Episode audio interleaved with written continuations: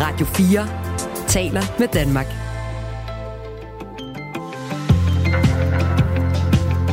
Velkommen til Radio 4 morgen.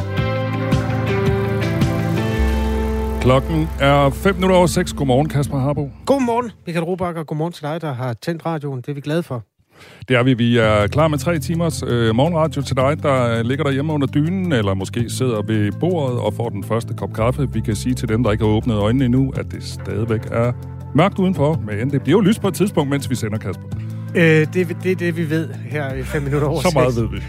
Konflikten mellem Kina og USA er blusset op efter, at øh, i hvert fald én spionballon og nogle andre øh, uidentificerede objekter er skudt ned omkring det amerikanske luftrum. Vi går ind i en tid, hvor der er mere krise mellem Vesten og Kina, mener en lektor, der gerne vil hjælpe os med at belyse den konflikt om lidt. Og skal, øh, så skal vi også tale om noget, som de fleste forældre kender. Det her med at placere et barn foran en skærm, når man lige trænger til lidt fred og ro. Er det noget, du kan genkende, øh, Kasper? Jeg ved, du har tre børn. Ja, men de er så store, du, så det er jeg placerer dem ikke nogen steder. Det kan de selv, men jeg kan godt huske tricket, at øh, ja. Hjem fra børnehave, og så lige lidt øh, Thomas Tog, Gurlig Gris, eller hvad man nu kunne finde på, og så sætte den foran skærmen. Men det er måske faktisk en rigtig dårlig idé, fordi et nyt studie viser, at det kan få store konsekvenser for børn, når de allerede fra etårsalderen bliver udsat for for meget skærmtid, og det kan blandt andet gå ud over hukommelsen og koncentrationsevnen. Vi taler med en ekspert på det her område om cirka et kvarter. Hooligans gør det utrygt at øh, gå på fodboldstadion øh, her i Danmark, men nu lancerer regeringen en såkaldt hooliganpakke. Og det er altså ikke en pakke til hooligans, men det er til alle de andre mennesker, der gerne vil gå til fodbold i Danmark og være tryg sammen med ja, både børn og selvfølgelig også øh, for voksne. Det er altså en pakke, der skal dæmme op for vold og ballade. Kvart i syv ser vi nærmere på øh, indholdet med hjælp fra Socialdemokratiets retsordfører. Og så kan der jo være andre historier, som der dukker op i løbet af morgenen. Jeg ved allerede nu, at vi kommer til at række ud til et menneske, der har forsket i pindsvin. Ja, sig noget mere. Jamen, jeg kan, ja, du ved det, ikke mere. Det, det vi ved er, at øh, en mystisk historie er dukket op på den britiske avis The Guardian, der handler om en dansk pindsvineforsker, som har siddet og rodet med knogler fra afdøde pindsvin, blandt andet pindsvinet Torvald, som man godt var klar over var rimelig bedaget. Men øh, nu viser fintællingen faktisk, at Torvald er det ældste pindsvin nogensinde. Du ved da en hel masse om det. Ja, men øh, jeg kan love dig, at der er en, der ved endnu mere. Det er hende, der har gemt den her kæbeknogle fra Torvald. Og det er en af de historier, vores kolleger, som øh, også er mødt på arbejde, kigger på her til morgen. Ja, og det er altså en international historie, wow. som nu får en dansk knopskydning. 8 minutter over 6, og man kan skrive til os. Det kan man nemlig på 1424. Du kan skrive om de historier, vi har. Du kan skrive om dine egne erfaringer med nogle af de historier. Og det er, som Kasper lige sagde, som altid på 1424. Det her er Radio 4 morgen. Hen over de sidste uger har den amerikanske regering skudt, eller i hvert fald amerikanske piloter, skudt flere uidentificerede objekter ned omkring USA og Kanadas luftrum. Første gang var 4. februar, og det var en kinesisk spionballon. Nu er det så lige kommet frem, at de andre tre efterfølgende uidentificerede objekter, som er blevet skudt ned, højst sandsynligt ikke er kinesiske ballonger. Men ikke desto mindre har det her sat et diplomatisk spil i gang. USA har anklaget Kina for at have fløjet øh, i stor stil over amerikansk og kanadisk luftrum, og omvendt har Kina så anklaget USA for at have tilsvarende i hvert fald 10 spionballoner i kinesisk luftrum i løbet af sidste år. Stemningen mellem de her to store magter er med andre ord anspændt. Rasmus Brun Pedersen er lektor i internationale relationer ved Aarhus Universitet. Godmorgen. Godmorgen. Sådan i forhold til, hvordan det plejer at være, hvordan er stemningen mellem USA og Kina så lige nu? Ja, altså stemningen lige nu er, er helt klart på et, øh, et lavpunkt, øh, men man skal tænke på, at øh, det, der sådan her foregår her mellem øh, USA og, og, og Kina i den her periode, det er jo sådan et udtryk for, at, at vi øh, er på vej ind, og lang tid har været på vej ind i en, en rivalisering, hvor de her øh, stormagter, de altså så at sige kæmper om, hvem der har overhånd, hvem der er den, den, den, den, den stærke spiller internationalt. Så alt, hvad der foregår af relationer mellem de her to stater, jamen det foregår i sådan et rivaliseringsskær. Det gælder både øh, økonomisk politik, øh, diplomatisk politik, men altså også mere militærmagt. Så alt bliver sådan set i sådan en prisme af, af rivalisering. Og de her spionballoner, det er jo altså også et udtryk for den her øgede rivalisering, der er mellem de her to stater. At man spionerer på hinanden er jo ikke noget nyt. Det kom jo også tidligere frem, at USA har øh, spioneret på den tyske kansler og aflyttet alt muligt dansk kommunikation også. Øh, er det, altså, hvor meget tror du, der eksisterer af den slags? Hvor mange ballonger flyver der rundt sådan respektivt? Ja, ja det, det er jo godt, det er det gode spørgsmål, og nu er der i hvert fald en, en mindre, øh, kan man sige. Men, men der er jo ingen tvivl om, at den her spionage, sådan noget spionage øh, foregår øh, rigtig meget, og det foregår hele tiden. Øh, den her karakter med sådan ballonger, der sådan rent faktisk svæver ind over hinandens territorie, det er jo sådan lidt specielt, fordi det er meget synligt i forhold til meget af den her usynlige spionage, øh, der ellers foregår. Og det, der også er anderledes den her gang, jamen, det er jo, at man så rent faktisk har, har valgt at handle på det, fordi Øh, man ved fra amerikansk side jo godt, at øh, det her det er foregået mange gange før, men det, man, der er nyt i den her sammenhæng, det er, at man så faktisk begynder at skyde hinandens øh, spiongrej ned, og ikke bare sådan fjerne det, men gøre det ret offentligt, øh, og gå ud og markere ret offentligt, at det er den anden part, øh, der gør det. Så derfor har man hævet omkostningsniveauet øh, ved det, der, der foregår, og derfor er der sådan en eskalering øh, i øjeblikket på de her områder i forhold til det, man normalt ser. Og det kan man så også forvente at se, at kineserne de har også haft begyndt at true med, at nu vil man så også begyndt at skyde amerikanske balloner ned. Faktisk skulle den amerikanske udenrigsminister jo have besøgt Beijing i den her måned, men det er blevet aflyst efter den her ballonaffære. Stemningen mellem de her to nationer har været anspændt siden Nancy Pelosi, formand for repræsentanternes hus, i hvert fald på det tidspunkt, besøgte Taiwan i august sidste år. Kinas udenrigsminister har sagt, vi ønsker at påpege, at USA er nummer et, når det gælder overvågning af andre lande. Det er, har det internationale samfund, også Europa, erfaret, sagde han, som en, øh, et lille hint til de tidligere altså spionageopdagelser, som har været også over for NATO-lande. Hvem er egentlig øh, sådan stærkest lige nu af USA og Kina? Hvem bestemmer mest her i verden? Jamen det er jo øh, også et af de, de gode spørgsmål, fordi det er jo også noget, af de her øh, de to øh, stater prøver sådan at finde ud af. Jeg tror, hvis man sådan kigger på den, den rene militærmagt, så er der ingen tvivl om, at USA sådan globalt set er, er stærkest. Økonomisk set, der er de sådan nogenlunde på, på lige niveau. Og det er også der, sådan konkurrencen øh, går i øjeblikket. Kineserne de prøver sådan at komme ind og, og skubbe europæerne ud i forskellige sammenhænge, øh, og prøver også at bruge en del af den her økonomiske vækst, de har til at opruste øh, militært. Så sådan på den globale plan, jamen, der står USA øh, stadigvæk øh, stærkest, men det er gradvist ved at ændre sig. Ikke mindst også fordi Kina er begyndt at være rigtig, rigtig stærke i Asien, og der er øh, de i en størrelsesorden, så de begynder at kunne matche amerikanerne. Ikke bare matche amerikanerne, men rent faktisk måske også begynder at skubbe øh, amerikanerne ud af, af det asiatiske område. Det er det, vi ser omkring øh, konflikten med Taiwan. Så det foregår sådan på de helt, helt store øh, noder i øjeblikket rundt omkring på, på kloden hvor der altså er ret stor regional variation i, hvor meget stormagterne kan, men altså vi ser den her øh, hele tiden konkurrence, hele tiden forsøg på at få the upper hand øh, i forhold til modparten. Lige nu taler jeg med Rasmus Brun Pedersen, der er lektor i internationale relationer, om forholdet til Kina, som altså er ved at kølnes, i hvert fald mellem USA og Kina i øjeblikket, i kølvandet på de her ballonger, der er blevet skudt ned. Rasmus Brun Pedersen, normalt når USA spørger, eller siger, at man skal hoppe, så spørger vi bare, hvor højt vi skal hoppe her i Danmark, ikke? Øh, hvis de er ved at blive uvenner med Kina, er vi så også ved at blive uvenner med Kina?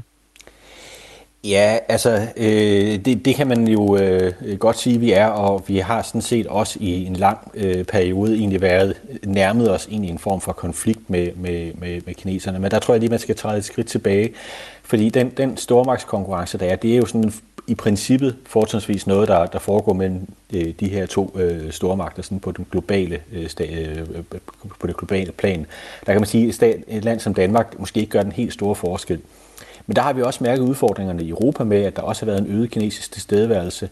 Og noget af det, vi også kæmper med i Europa, det er sådan konsekvenserne af den her øgede stormagtsrivalisering. Fordi i takt med, at Kina er vokset i Asien, jamen så har øh, amerikanerne øh, rettet mere og mere fokus på Asien, og derved også trukket sig eksempelvis fra Mellemøsten, og man har også trukket på, øh, signaleret, at man vil trække sig fra Europa.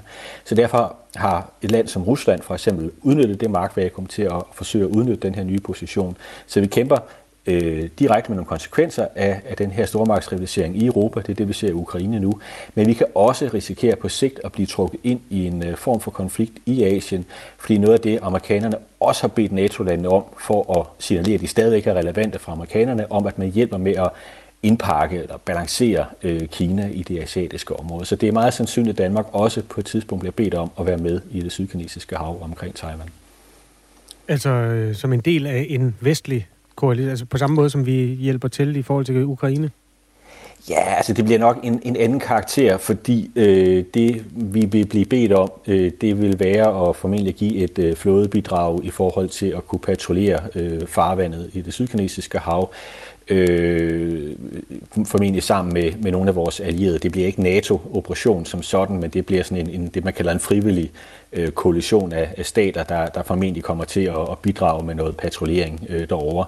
Så det bliver ikke sådan øh, samme karakter som det, vi ser i Ukraine, fordi Ukraine det er, det er ret specielt det her med, at vi, vi, vi giver så store donationspakker. Men det vi formentlig bliver, bliver bedt om, det er at, at, at, at vise, kan man sige, at man er, er, er, er allieret og solidarisk med amerikanerne, og derved altså også stille et eller andet form for, for troppebidrag øh, i fremtiden, øh, som vi kommer til at træne på og kommer til at, at vedligeholde de næste mange år. Afslutningsvis, Rasmus Brun Pedersen, hvorfor kan de egentlig ikke bare være venner? Tænk, hvor meget de kunne udrette, hvis de stod skulder ved skulder. Altså ja. USA og, og Kina.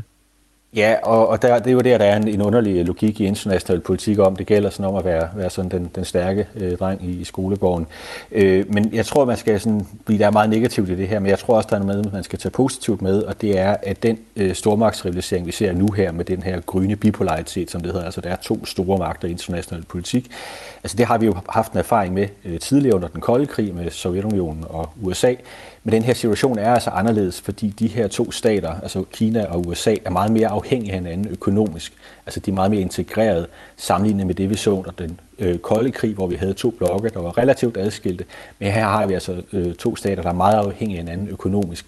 Og det reducerer altså også lysten til at gå i konflikt, åben konflikt med hinanden.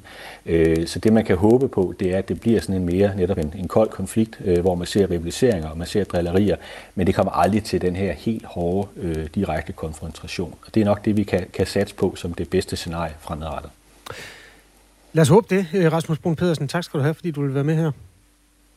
Jamen selv tak. Lektor i internationale relationer ved Aarhus Universitet. Den her rivalisering i forhold til Kina får også konsekvenser for os herhjemme på den politiske scene, og det vil vores øh, politiske redaktør Thomas Larsen gerne hjælpe os med at analysere. Det bliver dog noget senere på morgenen. Øh, vi har en aftale med ham klokken halv ni. Lige nu er den 17 minutter over 6. I Portrætalbum kommer Anders Bøtter helt tæt på ugens gæst. Jeg elsker det nummer. Hvor ja. du det fra? Jeg ved det noget har vi ikke snakket om. Nej, det har vi ikke, men jeg ved noget om musik. Det er lidt ligesom du ved noget om landmænd og træmænd. Og tegner et portræt gennem et album, der har haft en særlig betydning for gæstens liv. Jeg tror, jeg har været ret heldig at jeg faktisk er blevet et okay menneske, for jeg, jeg har også set nogen forvandle sig til monstre. Lyt til Portrætalbum i Radio 4's app, eller der, hvor du lytter til podcast. Radio 4 taler med Danmark. Det er jo stadigvæk måske en lille smule Valentine's Day, eller hvad? Eller i hvert fald, så kan man måske sige, at konsekvenserne af Valentine's Day melder sig måske nu. Jeg ved det ikke. Jeg, jeg prøver at lave en bro til, at det egentlig var Valentine's Day i går. Ja, et eller andet sted på jorden er det jo altid øh, Valentine's oh, tak. Ja. nu skal du høre, jeg var på Twitter i går, øh, og så så jeg Lars Olsen, øh, som vi også kender øh, fra medierne. Han er sådan en, vi engang mellem ringer til, når vi skal være kloge på økonomi. Mm. Han er chef økonom, økonom i Danske Bank, og øh, han har fundet nogle sjove tal, eller nogle tankevækkende tal, under overskriften, når man glædelig Valentine's Day hjerte, skriver han så. Og han har så fundet nogle... Øh, forbrugerindeks, altså ændringer i priser i forhold til samme måned sidste år, og så har han fundet nogle øh, varegrupper, ja, tak. som er sådan Valentine's Day-relateret. Så i forhold til sidste år, der er chokolade, hvis du nu var ude og købe det til Valentine's Day, øh, steget med 7,5 procent. Ja, det passer meget godt med forbrugerindekset. Ja. Slik og marcipan steget med 11,7 procent, hvis du har tænkt, at du på Valentine's Day skulle forkæle dine elskede med lidt marcipan. Det ved jeg ikke, om det er almindeligt. Mm, nej, det er måske mere en juleting, ikke? Men hvad med øh, roser, tænker jeg? Har han undersøgt det? Øh, jeg skal lige se her. Ja, der var noget planter og blomster. Ja. 12,6 procent er de steget i år i forhold til samme måned sidste år. Det tænkte jeg nok, fordi der bor man jo nogle steder opvarmet drivhus. Mm. Graviditetstest og kondomer. ja. 14,8 procent. Nå, det var ja. okay, markant. Ja, men øh, man skal formentlig kun købe det ene, ikke? Hvis man har købt kondomer, får man forhåbentlig ikke brug for en graviditetstest. Men det er markant. Det er faktisk øh, det, der er stedet mest i den her liste, han har lavet. Det er personbefordring med taxa og lejet bil med fører. Det er stedet 16 procent. Ja. Hvis man nu har haft brug for at køre hjem fra sin øh, valentine-date. Og så hoteller, moteller og kroer overnatninger, det er stedet 10 procent. Okay, Jamen, ja. det er flot at kunne øh, hæve, øh, altså, hænge den her inflationshistorie, som vi har hørt så mange gange, op på Valentinskrogen, og så får den lige en tur mere. så får den lige en tur mere, så nu merger vi to store historier. Inflation og Valentines Day. Tak til Lars Olsen øh, for den her lille beskrivelse af, hvordan det er gået med priserne på romantiske ting og sager. Radio 4 taler med Danmark. Nu skal vi til noget, som masser af forældre helt sikkert har prøvet. Man har brug for ro, man kommer hjem fra arbejde, og så placerer man lige sit barn foran en iPad med gurlig gris eller noget andet underholdning. Men det er måske en rigtig dårlig idé. For et nyt studie viser, at det kan få store konsekvenser for børn, når de allerede fra etårsalderen bliver udsat for alt for meget skærmtid. Resultaterne viser, at det kan svække deres kognitive evner år senere, hvor de i højere grad får problemer med hukommelse, koncentration og tilpasning. Imran Rashid er læge og ekspert i digital sundhed. Godmorgen. Godmorgen. Hvad tænker du, når du hører om de her konsekvenser i den her undersøgelse?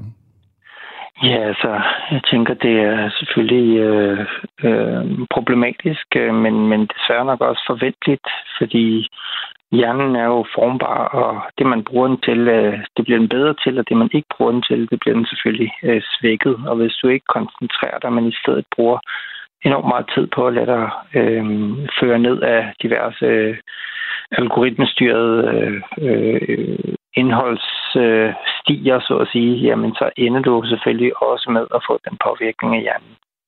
Men kan man ikke sige, at nogle af de der ting, som man sætter øh, sine børn foran, øh, det, det bliver de også koncentreret af? Altså nogle gange, så kan man jo nærmest ikke komme, komme i kontakt med børn, hvis de sidder foran en iPad. Sidder de ikke og er dybt koncentreret om at se en film eller spille et spil?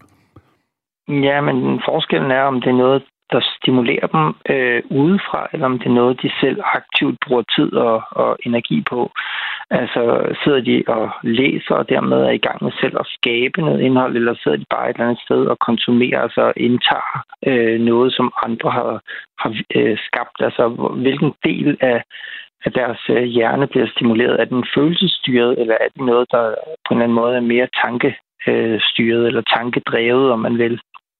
Lad os lige blive lidt klogere. forskel, der er. Ja, ja, tak. Øh, lad os lige blive lidt klogere på det her studie. Det er forskere fra National University of Singapore, der har undersøgt 437 øh, spædbørn fra Singapore, da de henholdsvis var 12 og 18 måneder gamle, og så igen, når de var 9 år gamle. Og da børnene var helt små, der brugte de i gennemsnit to timer foran en skærm.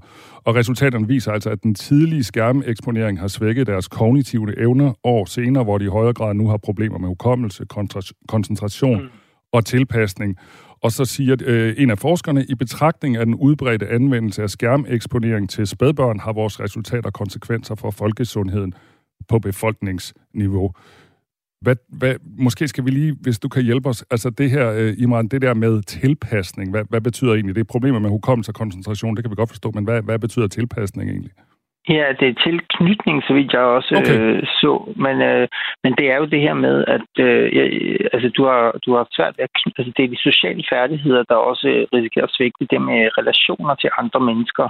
Det er mere den del, som okay. Øh, bliver på, påvirket, øh, så vidt jeg husker fra, fra studiet. Mm. Øhm, og det er jo fordi, man siger, at de første tusind dage af et barns liv er jo noget af det allervigtigste, hvor alting bliver formet i forhold til, hvordan det barn kommer til at, at gå videre ud i, i verden. Altså både i forhold til at møde andre mennesker, i forhold til at kunne dedikere sin fokus og opmærksomhed til ting. Og hvis det fra starten af bliver skævvredet på den måde, hvor man bruger enormt meget tid på noget, som man bare passivt øh, øh, kigger på og, og bliver ført videre af, og hvor noget får ens opmærksomhed, så bliver det svært at selv holde fokus på noget, som ikke på samme måde er underholdende eller øh, på samme måde stimulerer dine følelser. Og det er det, der er problemet.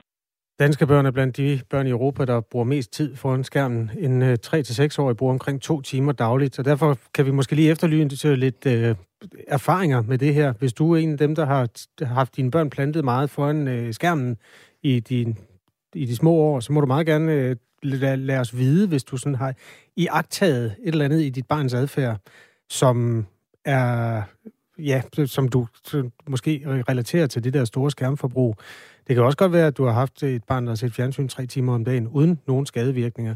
Under andre omstændigheder, så er erfaringerne meget velkomne i vores sms, hvis du skriver til nummer 1424. Iman, der er jo masser af forældre, det ved jeg, der bruger den her skærm til at komme hjem fra arbejde, og så siger de også, når børnene har også været afsted hele dagen i børnehave, eller i vugstue, eller i skole, eller et eller andet, og alle har brug for et lille pusterum. Kan man ikke gøre det i kortere tid, eller, eller hvis man skal gøre noget foran en skærm, hvad, hvad, hvad vil så være okay?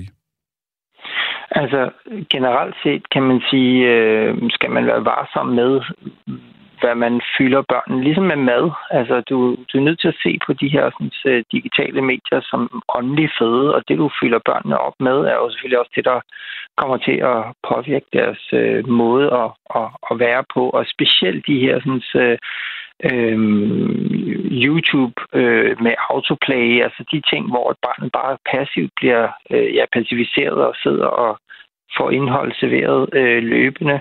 Der, der er man bare nødt til at kigge på, at hvis man øh, ikke er opmærksom på, hvad den her sådan, producent af det indhold, der bliver lavet, egentlig har af ønsker og tanker for mit barn. Hvad er det, hvad er det den her øh, indholdsleverandør ønsker for mit barn. Mm. Hvis ikke man har gjort sig nogle tanker om, hvad der bliver serveret, øh, så risikerer man netop, at, at barnet bliver tilvendet de her sådan, øh, øh, endeløse strømme af indhold, øh, og dermed bliver dårligere til at koncentrere sig om noget, som vedkommende selv gerne vil. Så det er meget det der med, om det er aktiv brug, altså hvor man selv bidrager med noget, eller om man bare sidder passivt og bliver fodret, så at sige. Det er det, man skal være varsom med, og så er der bare en, en, en, en... Du kan ikke bruge den samme tid to steder. Så hvis man bruger tid på øh, på skærmen øh, på at sidde og, og bruge, øh, ja, sidde og se, hvad, hvad pokker kan være, så kan du ikke samtidig være nærværende med din mor og far, eller øh, være aktiv og gå ud og bruge din tid på andre ting. Være, altså, du sidder jo også stille. Det er jo også det, der er en, en, en, en del af udfordringen. Du vender dig til at sidde med den der foroverbøjet nakke og bare sidde der passivt og ikke bevæge dig. Og der er vi bare som mennesker ikke bygget til at sidde så stille øh, og blive fodret på den måde digitalt. Så der er mange elementer i det her, og specielt mm. børn, der er i gang med at skulle øh, ja, opleve verden og, og, og komme rundt og, og, og, og se, hvad der foregår. Bruge sanserne. Det er jo også det, man bliver understimuleret i forhold til sansemæssig brug. Du har jo mange sanser, og der er det kun den her synssans og den her tommelfinger øh, brug, som, som bliver aktiveret øh, langt hen ad vejen. Nu har jeg lige googlet med til, at du faktisk selv har et par børn. Altså, jeg går ikke ud fra, at du sidder og laver kastanjedyr hver eftermiddag med, med dine børn. Altså, hvad, hvad, hvad, hvad gør du egentlig selv? Nu har, vi, nu har vi brugt dig som ekspert i flere år på det her område. Mm. Øh, og jeg, jeg kan ikke lade være med at tænke, hvad gør du egentlig selv? Jamen, øh, det jeg selv prøvede at, at, at gøre, det er jo at installere noget øh, mere, noget selvbevidsthed øh, i, i, i børnene på den måde. Jeg har snakket meget med dem om, hvordan og hvorledes de her sådan, ting fungerer, øh, med at man skal lære at styre sin hjerne, og skal lære også at bruge sin tid på noget, som giver mening. Man skal være aktiv, øh, så det er mere det her med også at have øh, prøvet at sende dem til andre interesser, øh, sports, øh, og, og, og, og stå fast på, at de også skal være en del af nogle fællesskaber i den fysiske verden. Men når det så er sagt, så er det selvfølgelig også klart, at vi er nødt til at, og det gælder jo øh, sådan set også mig selv, øh, vi er jo alle sammen nødt til hele tiden at arbejde på at blive bedre til at bruge vores tid på det, der giver øh, livet værdi, og ikke kun det, der giver os selv øh, belønning øh, kortvarigt. Så det er hele tiden en, en, en lang sej kamp, hvor vi alle sammen skal prøve at blive bedre til det her. Så, så jeg vil sige, at det handler meget om at, at få børn til at forstå, hvad man bruger sin tid på, det er lige så vigtigt som, hvad du spiser, så at sige. Ikke? Og der har vi jo alligevel lært at øh, hjælpe børnene til at forstå, at man kan ikke bare spise slik hver dag. Øh, så, så på den måde ah, tror jeg, at det er den her selvbevidsthed, der er langt vigtig. Men når det så er sagt, der er jo ingen af os, der er perfekte. Vi har ikke ret lang tid tilbage, men lad mig lige spørge her til sidst. Altså, øhm, Sundhedsstyrelsen de skriver, at man bør begrænse skærmtid Øh, der er andre øh, WHO, der kom med nogle anbefalinger om maksimalt en time skærmtid om dagen til børn op til fem år. Synes du egentlig, Sundhedsstyrelsen burde øh, øh gå ud og være hårdere på det her og sige, øh, komme med nogle hårdere anbefalinger? Ja, det synes jeg. Øh, alt taget i betragtning, der, øh, der, der har Sundhedsstyrelsen, vil jeg sige, på mange måder svigtet lidt i, i den her sag, fordi de har lavet sig rådgive af nogle medieforskere, der egentlig ikke ved så forfærdeligt meget om, hvordan det her det påvirker mennesker, fordi de jo af gode grunde jo ikke øh, ved særlig meget om menneske, den menneskelige hjerne, og hvordan, øh, hvilke behov der som sådan er for et menneske for at kunne trives osv. Der ved man meget om medier og kultur måske, men ikke så meget om det enkelte menneske. Og der synes jeg lidt, at man har lyttet til nogle, nogle stemmer, der ikke helt har været lige så øh, klare i spyttet. Der synes jeg, at man burde have beskyttet børnene bedre og have anlagt et forsigtighedsprincip, indtil man med sikkerhed kan sige, at det ikke er farligt. Ja, jeg skal, jeg skal måske sige, at vi øh, her på Radio 4 Morgen har netop ragt ud til Sundhedsstyrelsen for at få en kommentar, men de har oplyst, at øh, dem, der kan udtale sig, de er taget på vinterferie. Det lyder jo skønt. Tak skal du have, Imran Rashid, øh, læge og ekspert i digital sundhed. Klokken er halv syv. Nu er der nyheder på Radio 4. 400 rum og 200 toiletkabiner på det nye Odense Universitetshospital er blevet angrebet af skimmelsvamp, det skriver Fyns Stiftstidende. Årsagen til, at skimmelsvamp har kunne vokse i de nybyggede rum og toiletkabiner er ifølge avisen, at regn er trængt ned igennem utætte tage på byggeriet. Supersygehuset bygges af en italiensk entreprenør, og ifølge chefen for den italienske entreprenør, så opdagede de problemerne for et år siden og begyndte herefter at udbedre fejlene. Det vil tage et halvt år, lyder det. Byggeriet af det nye supersygehus er blevet forsinket flere gange, senest i december sidste år, hvor der blev tilføjet yderligere et år før hospitalet kan tages i brug. I samme omgang blev det meldt ud, at byggeriet forventes at blive mere end en halv milliard kroner dyrere. Det skyldes blandt andet prisstigninger. En, en ny analyse af uidentificerede flyvende objekter, som i senere år er blevet opdaget over Japan, indikerer kraftigt, at der har været tale om kinesiske overvågningsballoner. Det oplyser det japanske forsvarsministerium. Det er sket tre gange siden 2019. Efter yderligere analyse af ballonformede objekter har vi konkluderet, at ballongerne stærkt må formodes at være ubemandede rekognosceringsballoner fløjet af Kina, står der i en udtalelse fra Forsvarsministeriet. I den står der, at Japan kræver, at Kinas regering bekræfter kendskærningerne. Japan udtalte i sidste uge, at landet på ny analyserede en række hændelser med uidentificerede flyvende objekter. Den udmelding kom efter, at en luftballon fra Kina blev skudt ned over USA. Amerikanerne hævder, at ballonen blev brugt til spionage. Kina hævder, at den blev brugt til civile formål. 30 danske firmaer vil genopbygge i Ukraine, og i dag og i morgen afholdes der en konference om, hvordan det skal foregå. Ved Rebuild Ukraine, der bliver afholdt i Polens hovedstad, er Danmark stærkt repræsenteret med den næststørste stand, kun overgået af Tyskland. Det fortæller Thomas Bustrup, der er viceadministrerende direktør i Dansk Industri. Historisk har danske virksomheder været aktive i Ukraine, og det synes de forpligter til at være med. Samtidig har de en række kompetencer, som kan bruges i genopbygningen af hospitaler, huse og skoler på en bæredygtig måde, siger han. Virksomhederne fra Danmark kan bidrage med meget forskelligt, for eksempel at opføre boliger og genopbygge varmeforsyningen i landet. På messen vil regeringen være repræsenteret af udenrigsminister Lars Løkke Rasmussen fra Moderaterne. Færre af os tog springet og sagde jobbet op for at starte eget firma sidste år. Det viser nye tal fra erhvervsorganisationen Dansk Erhverv. Antallet af nystiftede selskaber var 20 procent lavere sammenlignet med året forinden, og det er det laveste antal siden 2014. Udviklingen skyldes dels, at krig i Ukraine og høj inflation har fået nogen til at tænke sig om en ekstra gang, inden de har stiftet et nyt selskab. Det vurderer Jasmina Plæs, der er chef for iværksætterpolitik hos Dansk Erhverv. Der har været stor uro i samfundet. Vi har, vi har set krig. Der har været meget snak om inflation og meget snak om øgede energipriser. Og det skaber en større usikkerhed i samfundet, som gør, at der måske er færre, der har lyst til at springe ud i den øh, risiko, som det er at stifte egen virksomhed.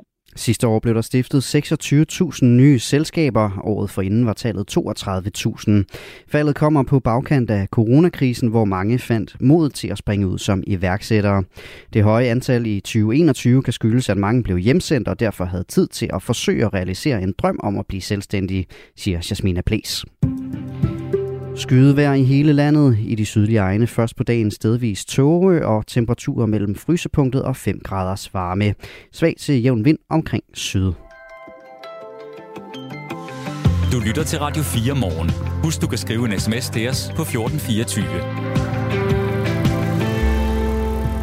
Når små børn selv øver sig på noget, koncentrerer de sig og træner dermed hjernen. Men når de sidder foran en skærm, koncentrerer de sig ikke men de bliver optaget af det. Måske overvældet, men træner overhovedet ikke koncentrationen, lyder en betragtning fra bedstemor, der øh, har bidraget i den her aktuelle sag. Det er måske også lidt interessant, det er bedstemor. Jeg tror nogle gange på det her område er der lidt forskel på øh, generationerne. Og grunden til, at bedstemor har skrevet, det er, at øh, vi før nyhederne omtalte en undersøgelse fra Singapore, Singapore hvor man har undersøgt 437 spædbørn, da de henholdsvis var 12 og 18 måneder gamle, og så igen, da de var 9 år gamle. Og da børnene var helt små, altså man undersøgte børn, der i gennemsnit brugte to timer om dagen foran en skærm. Og resultatet viste så altså, at den her meget tid foran skærmen, den gav senere hen problemer med hukommelse, koncentration og tilknytning. Og det er derfor, at øh, vi får øh, skønne sms'er fra jer, der lytter med på øh, 1424. Vi har også fået en fra Rasmus. Han skriver, Godmorgen. Min datter må kun se iPad på fredag aften og fra kl. 18 til søndag aften kl. 18, skriver altså Rasmus, altså, som har sat nogle regler op for, øh, hvornår hans datter øh, må sidde foran skærmen. Det bliver så også 48 timer, hvis hun sidder fra fredag aften kl. 18 til søndag aften kl. 18. Det, ja, det, jeg tror, hun får lidt pauser. Ja, må det ikke hun gør. Der er også post fra... Der står ikke, hvem det er, men der er en, der skriver, man skal passe på ikke at demonisere fremtidens medier. Det er ikke rigtigt, at passiv brug ikke stimulerer hjernen. Hvis vi står stille, vil vi forblive i stenalderen. Man kan det hele i kontrollerede mængder, er betragtningen for den her lytter. Og før nyhederne, der talte vi øh, med øh, Imran Rashid, som jo altså er ekspert på det her område, og han sammenlignede det med øh, det her med mad, at det er sådan, vi skal se på det. Altså, at sidde foran en skærm er lidt øh, at sidde kun og spise pizza. Man skal altså også have nogle grøntsager, og det er for eksempel at komme ud i naturen og bevæge sig og, og gøre noget andet, end at sidde helt passivt foran skærmen. Så øh, ikke kun pizza, også lidt broccoli. Du er velkommen til at skrive til os på 1424. Radio 4 taler med Danmark. Nu skal vi se på en anden historie om, hvad vi giver vores øh, yngre generationer lov til. Det handler nu om alkohol. 6 ud af 10 danskere vil have aldersgrænsen for salg af alkohol hævet. Det viser en meningsmåling, som Voxmeter har lavet for Blå Kors Danmark. Øhm, som det er i dag, kan man købe alkohol under 16,5 procent, hvis man er fyldt 16 år, og så skal man være 18 for at købe den stærke spiritus. Men ifølge den her meningsmåling vil flertallet af danskere altså gerne have det ændret, så man kun kan sælge alkohol til unge over 18 år, uanset hvor mange procenter det indeholder. Thomas Rydik Corneliusen er kommunikationschef i Blå Kors Danmark, som jo blandt andet hjælper mennesker med alkoholmisbrug og deres pårørende, og som står bag, øh, eller som har bestilt den her undersøgelse. Godmorgen, Thomas Rydik Corneliusen. Godmorgen. Hvad er jeres tolkning af det her? Altså 60 procent af danskerne mener, at man skal hæve grænsen til 18 år for alle typer alkohol. Jamen dybest set så øh, er vores tolkning jo nok den, at øh, det her har været en øh, holdning i befolkningen faktisk øh, de sidste tre år. Øh, og, og hvad hedder det sidste år, ja, der, øh, der var det jo så diskuteret også politisk, men øh, der havde politikerne ikke mod til at og hvad hedder det, indføre den her øh, hævede aldersgrænse. Øh, så et eller andet sted, så er der jo, øh, hvad kan man sige, øh, en diskrepans imellem, hvad, hvad befolkningen ønsker, og hvad politikerne de, de, de tør. Ja, øh, man kan sige, de, de øh, retningslinjer, der bliver stukket ud fra centralt hold, de, de, er det som om, de kommer længere og længere væk fra den virkelighed, som bliver udlevet i Danmark. Altså, øh, Sundhedsstyrelsen nedskalerer jo jævnligt, hvor meget man anbefaler os at drikke, og hvor tit man anbefaler os at, at gøre det. Og øh, ja, og, og retningslinjerne fra politisk hold er også strammere end nogensinde før. Den her diskrepans, hvad tror du, den gør for, øh, for befolkningen og for, for sundheden? Ja, men der er, der er i hvert fald ikke nogen tvivl om andet end, at øh, det her med øh, den her meget, meget kedelige øh, danske øh, europarekord, vi har i ungdomsdruk, øh, Øh, den, den er ikke øh, gavnligt for, hvad hedder det, hverken øh, de unge eller befolkningen som sådan. Øh, vi ved jo, at, øh, og det, det er også det, Sundhedsstyrelsen siger, at øh, unge, ja faktisk helt op til 25 års alderen, jamen så, så, så er der risiko for, at alkoholen skader de unges hjerner. Alkoholen nedsætter hukommelsen og indlæringsevnen for de unge, og, og man kan sige, de er også lidt dårligere rustet i forhold til sådan, hvad kan man sige, selvkontrol og, og, og hvad hedder det, risikovurdering. Derfor kommer de også ud for flere ulykker, når de drikker. Øh, hvad hedder det? Og de kommer til at eksperimentere med stoffer, og der er, øh, hvad kan man sige, større risiko for vold og kriminalitet. Ja, faktisk også uønsket sex og andre øh, sådan, øh, ting, som virkelig er rart, øh, når man er ung og, og, og bliver udsat for.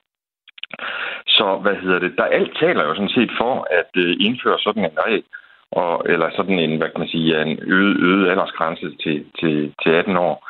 Øh, alligevel så har, hvad kan man sige, øh, Folketingets partier altså ikke kunne finde flertal for, for det. Og jeg tror måske, det skyldes det et eller andet med, at man, man måske stadigvæk har en fornemmelse af, at øh, det skal man ikke pille ved. Øh, Øh, jeg tror også, at øh, både hvad kan man sige, ungdomspartierne og også øh, ja, de organisationer, øh, der, der hvad hedder det, lobbyer for, for hvad hedder det, bryggerierne, jamen de har nok haft held til at sådan, fortælle en historie om, at det her med at løfte en pegefinger mod, øh, mod det her, det, det skal vi ikke øh, gribe ind i.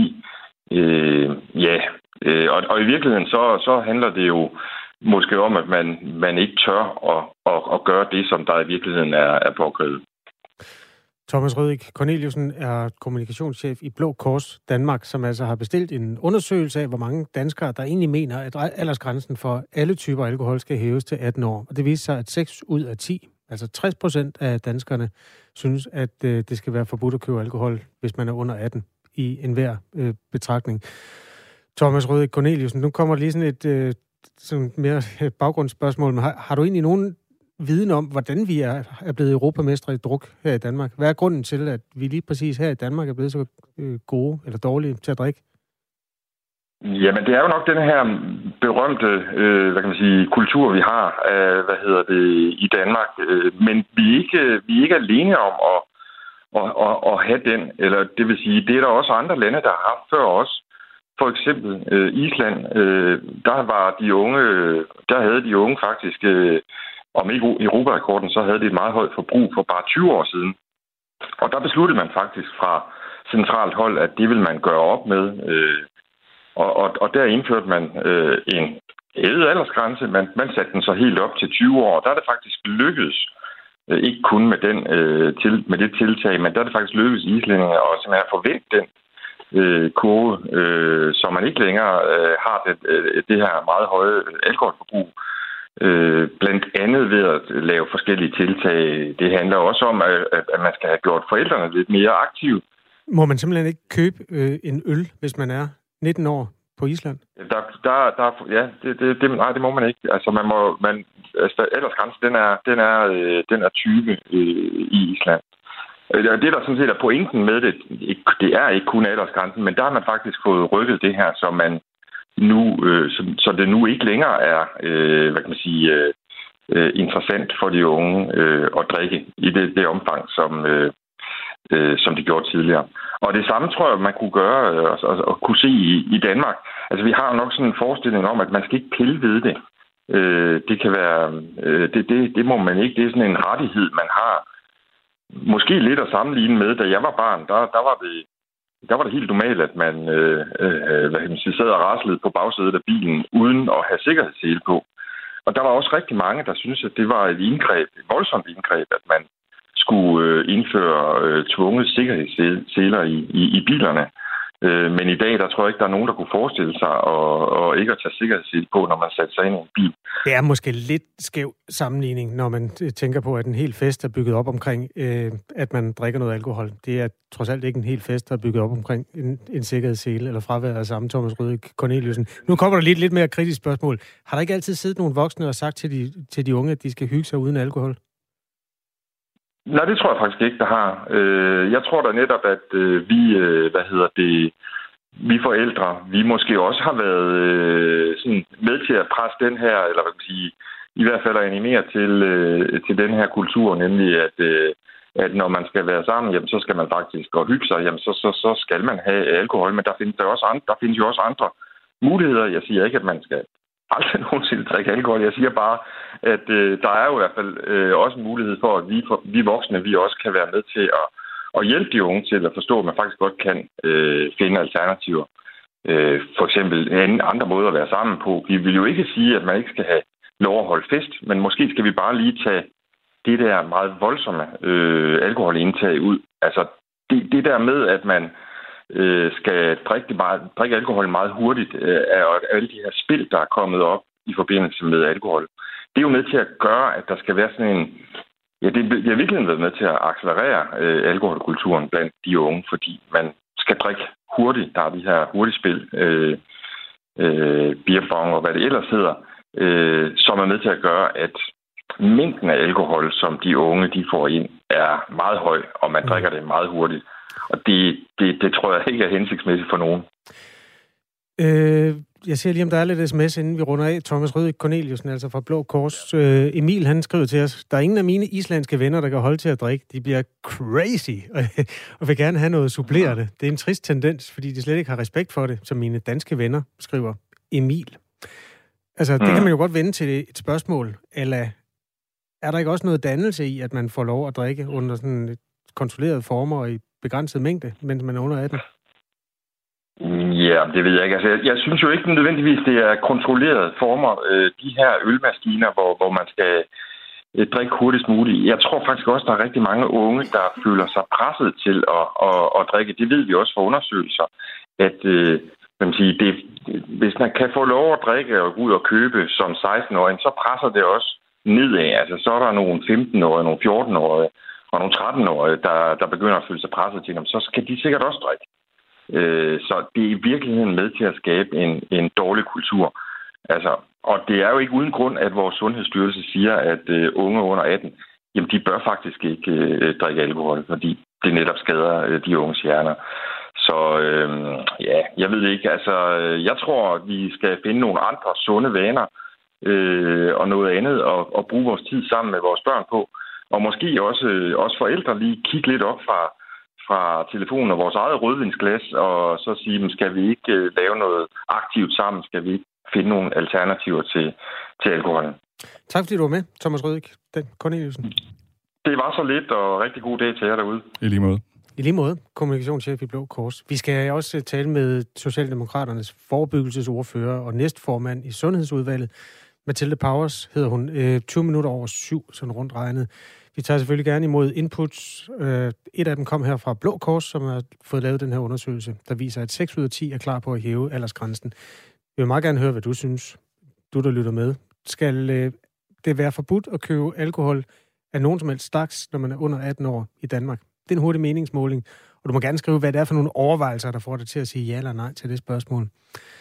SMS'en herind, det er nummeret 1424. Klokken er 13 minutter i syv. Det her er Radio 4 morgen. Og der er altså et sted, hvor man øh, til stadighed drikker kolde fadøl, og det er på de danske stadions, øh, og det skal man nok snart i gang med, og også have lidt pølser og lidt godt humør, fordi fodboldsæsonen, øh, altså Superliga-sæsonen, den går i gang lige om lidt. Men det bliver ikke for dem, som laver ballade, deltager i slagsmål eller tvinger andre til at tage deres fodboldtrøjer af i forbindelse med fodboldkampe. Så lyder det et nyt lovforslag, der skal sætte hårdere ind mod hooligans, som justitsminister Peter Hummelgaard sendte til høring i går. Vi vil gerne have talt øh, med Hummelgaard her til morgen, men ministeriet oplyser, at det ikke kunne lade sig gøre. I stedet kan vi sige godmorgen til dig, Bjørn Brandenborg, retsordfører for Socialdemokratiet, og tak fordi du vil være med. Ja, I må nøjes med mig. Godmorgen. Jamen, vi, øh, vi er glade for, at du vil være med. Hvorfor kommer I egentlig med, med det her lovforslag nu? Mm. Vil du lige gentage det? Ja, hvorfor kommer I med det her lovforslag nu? Øh, jamen, det gør vi, fordi vi jo tilbage i efteråret øh, nedsat en øh, ekspertgruppe.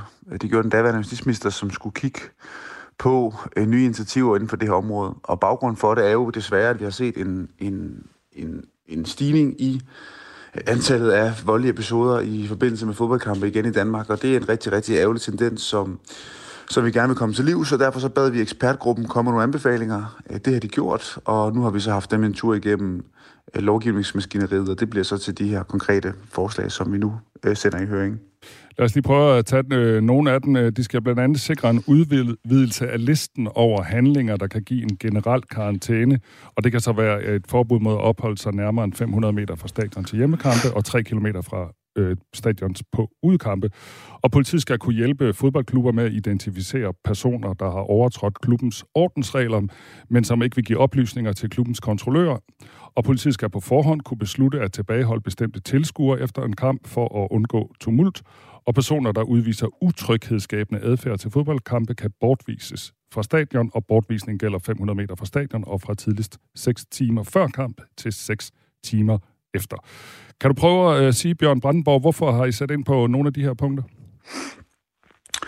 Ja, nu lister du en, en række initiativer op, og mange af dem er jo også lidt, lidt forskellige, men i bund og grund så handler det om at sørge for, øh, at også vores myndigheder får nogle flere værktøjer, end de har i dag. Og det er for eksempel at give politiet muligheder for, hvis de oplever nogle personer, som skaber utryghedsskabende adfærd, eller som er i en tilstand, hvor de måske ikke skal ind og se en fodboldkamp, fordi de højst sandsynligt kommer til at ødelægge det for alle os andre, så skal man have mulighed for at kunne give dem øh, forbud. Det skal også være nemmere for klubberne øh, at kunne øh, være med til at give folk øh, karantæne for at komme ind og se, og se fodbold. Øh, og så skal vi Øh, også have, givet det, have gjort det nemmere at udveksle oplysninger mellem klubber og, og myndigheder og politi. Det er ret besværligt i dag, og det betyder faktisk, at der er alt for mange af de ballademager, som som der laver balladen, som lykkes med at komme ind og se fodbold igen, fordi det er svært at identificere dem. Og nogle af de ting vil vi gerne komme til livs med, med de her øh, forslag. Og så handler det selvfølgelig også om at sende et meget, meget klart signal om, at hvis ikke man kan finde ud af at opføre sig ordentligt, når man skal ind og se fodbold, øh, så kommer vi til at slå hårdt ned på det. Og nu giver vi så øh, klubberne øh, og politiet nogle af de værktøjer, som, som de har efterspurgt, sådan så de kan være med til at sætte, øh, sætte ind over for, for den her adfærd. Kan der ikke være sådan nogle øh, gråzoner, hvor det kan være lidt svært at se, hvad der ligesom bare er kæmpe begejstrede fans, der råber og skriger og hujer i gaderne, og så nogen, der er ude på ballade? Altså, kan det, ikke, kan det ikke være svært at skelne mellem de to forskellige grupperinger? Nej, det kan det ikke, og øh, der kommer stadigvæk til at være plads til øh, højt råbende, jublende øh, Øh, fans. Jeg ynder selv at komme på fodboldstadion, så kan jeg godt lide at råbe, råbe og skrige, når mit eget fodboldhold det, det, det scorer et mål, og det skal der stadigvæk være plads til. Men det, vi sætter ind over for her, det er jo nogle af de voldspsykopater, som desværre har fået lov til, øh, eller i hvert fald har taget sig den frihed til at ødelægge oplevelsen for 99 procent af os andre, der går på stadion, som betyder, at for mange børnefamilier, der er man begyndt at tænke sig om en ekstra gang, før man går på stadion, mm. fordi at man kan risikere, at ens børn bliver udsat for, for ting, som man ikke skal udsættes for, når man går på et fodboldstadion. Så det her handler om at sende et meget, meget klart signal om, at vi ikke vil finde os i, at der er nogen, som... Øh, øh, som øh, ødelægger oplevelsen for, for alle os andre, og så handler det om at give vores myndigheder nogle af de værktøjer, som, øh, som, som de har bedt for. Og vi siger jo også meget klart, altså det her, de her initiativer, øh, de skal virke. Det er det, der er ambitionen, det der er formålet med dem. Men altså, hvis det er sådan, at vi stadigvæk ser, at der er tosser, der opfører sig idiotisk, efter vi har gjort det her, så er vi også klar på at se på, om, om der er brug for at gøre mere, fordi vi vil ikke have, øh, at der er øh, de her øh, fodboldtosser, som, som ødelægger det. Jeg bliver selvfølgelig lige nødt til at spørge det lidt uden for nummer, hvem, hvilken klub er det, du holder med? Jamen, det er også typisk. Jeg er jo faktisk fra, fra det sydfynske område, men jeg holder med Brøndby. og det er desværre også en af de klubber, hvor, hvor vi oplever, at, øh, at der er nogle problemer med folk, der ikke opføre sig ordentligt. Og Brøndby er den klub, der lige nu ligger nummer 10. Det er vi enige om, ikke?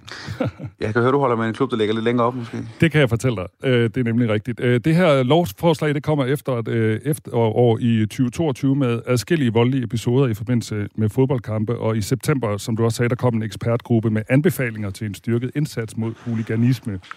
Og i, i oktober blev der indgået en bred politisk aftale på baggrund af de her anbefalinger. De er så blevet til de her øh, tiltag, hvor fire af dem kræver lovændringer. Vi har talt med Christian øh, Rotmann, der er formand for Danske Fodboldfans.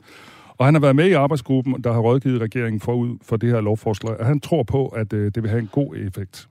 Jeg tror ikke, man skal forvente, at der kommer til at være nul anholdte og nul problemer fremadrettet. Men jeg håber da, at vi kommer til at se mindre, end hvad vi har set det forgangne år.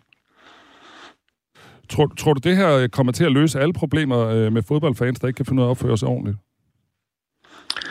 Ja, det håber jeg da, at det gør. Øh, men som jeg også sagde lige før, så kommer vi også til at følge det her meget tæt. Og nu laver vi de her initiativer for øh, at dæmme op for de uroligheder, der har været, lave nogle lovændringer, øh, giver flere beføjelser, og så er vi også klar til at, øh, at sætte ind med mere, hvis der, hvis der bliver behov for det. Og det er jo fordi, at nu skal det være slut en gang for alle med, at der er øh, tosser, der udlægger oplevelsen mm. for os andre.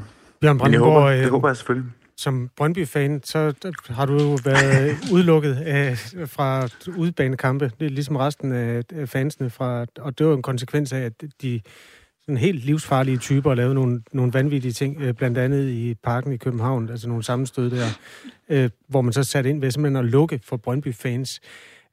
Øhm, den interne dialog øh, sådan blandt blandt fans af en klub, hvor der jo tydeligvis er nogle, nogle grupper, som man simpelthen ikke, som, som man ikke kan nå. hvordan er den? Altså, kan man gøre noget internt i gruppen? Kan du som Brøndby-fan øh, få opdraget på de andre Brøndby-fans? Ja, jeg, nu ved jeg ikke, om, om præcis det er mig, der skal, der skal gøre det. Jamen, så aktivt er jeg nok desværre ikke længere på, på lægtet. ja, men princippet har du ret i. Og jo, det kan man, og det gør man jo heldigvis også. Altså, øh, og i øh, arbejdet med at udarbejde de her forslag, har det jo også været de klubber, som er dem, blandt andet Brøndby, FCK og AGF, som er nogle af de klubber, der er allermest udsat for, øh, for at have tilskuere, der laver øh, huliganisme og ballade i forbindelse med, med fodboldkampe. Og der, der er der jo også et meget, meget stort arbejde i gang Øh, internt i de klubber. Det er der også i divisionsforeningen imellem klubberne, hvor man har andre initiativer, man laver. Øh, og, og der er vores opgave, det er jo sådan set bare også at være med til at supplere det. Også så sørge for, at politiet, som er, er den myndighed, jeg er med til at, at lovgive over, at de har også har de værktøjer, de har brug for. Og for eksempel så et af de forslag, vi jo, vi jo åbner op for her, det er at give bedre mulighed for at udveksle oplysninger mellem politi og mellem klubber, og det har været en, en stor udfordring at få mulighed for det. Øh, og det ønsker vi også med det her lovforslag at sørge for, at det arbejde, som klubberne faktisk har sat i gang med, øh, og sørge for, at ballademændene ikke kommer ind, at det kan blive understøttet endnu bedre ved, at politiet nu også kan hjælpe dem med at identificere, hvem, øh, hvem nogle af de personer de er. Hvis det her lovforslag bliver til virkelighed, og det går jeg ud fra, at det gør, fordi regeringen har flertal, hvordan bliver det så at gå til fodbold på stadion fremover? Jamen for 99,9 procent af så bliver det jo det samme oplevelse, som det altid har været, som, som I startede med at præsentere det, tror jeg, med en kold fadel og en, og en pølse. Og så er der jo en, øh, en, en lille bitte, bitte øh, promille af dem, der går på stadion, for hvem øh, det bliver endnu sværere, og for hvem øh, det nok også er slut med at gå på stadion, fordi vi ikke øh, gider at have øh, nogle af de her øh, øh, hooligans på stadion i fremtiden. Tak fordi så hvor langt de fleste er, ja. så, skulle det ikke blive en, øh, så skulle det ikke blive en anden oplevelse. Tak fordi du var med her, øh, Bjørn Brandenborg, og øh, der er retsordfører for Socialdemokratiet, og som er Brøndby-fan. Jeg håber, I får et rigtig godt forår i Brøndby. I lige måde. Tak. Hej. Hej. Ja, Superligaen for mænd indleder jo et forårssæsonen på fredag. Radio 4 taler med Danmark. 6 ud af 10 danskere synes, man skal øh, forbyde salg af alkohol af alle slags til dem under 18 år. Og det er derfor, vi lige har prøvet at tage en pejling på, om den undersøgelse, som Blå Kors har fået foretaget, den også er øh, repræsenteret hos Radio 4's lyttere, eller om det giver samme resultat.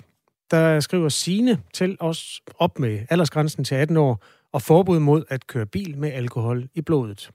Og en anden skriver, øh, nej, det synes jeg ikke, altså at der skal være det her forbud. Forbud hjælper alligevel ikke. Det kan man tydeligt se på for eksempel forbud mod has. Oplysning frem for forbud.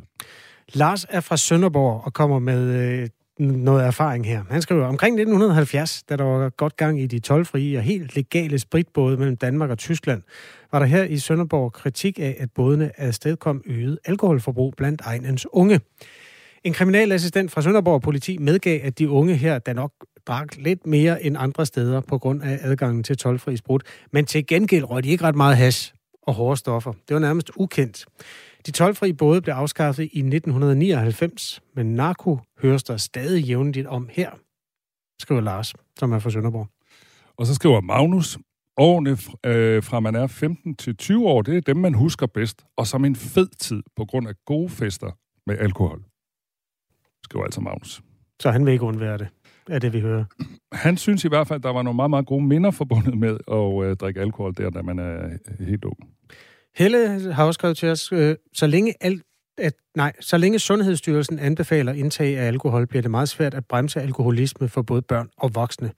Samtidig er den magtfulde, lokkende reklame fra den store alkoholindustri også svær at modstå for både unge og svage voksne sjæle. Trods det, at nyeste forskning viser, at selv små mængder alkohol skader menneskets hjerne, hvilket den stigende alkoholdemens blandt andet er bevis for. Men dette faktum skræmmer os ikke, skriver Helle. Og så er der en anden, der øh, måske sådan øh, samler to af de historier, vi har lavet øh, her til morgen. Øh, vedkommende skriver, at det er en, der ikke øh, har sendt sit navn. Det vil vi jo altid, altid gerne have. Men øh, vedkommende skriver, hvad er værst, at de unge får lidt alkohol, og derved socialt samvær, eller de sidder foran en skærm? Og det er selvfølgelig øh, også en kommentar, øh, den her øh, lytter kommer med til, at vi tidligere på morgenen talte om, at det også er problematisk. Det var så ikke unge, men det var sådan børn, at de sidder for meget foran en skærm. Og her kan man så sige, øh, jamen hvis man drikker som ung, så sidder, gør man det sammen med nogle andre. Det må være det, der er pointen. Ja, altså der er noget socialt liv øh, forbundet med at, at drikke, og nogle grænser, som man måske ja, tør, tør slippe. Det, den, er, den er svær. Hvad synes du, Michael? Du er jo børn. Ja, hvad synes jeg? Øh, jeg? Jeg synes, det der alkohol... Altså, jeg synes sådan set ikke, det er så problematisk, det der med at drikke lidt, når man er, man er ung, men det er alt det, der følger med.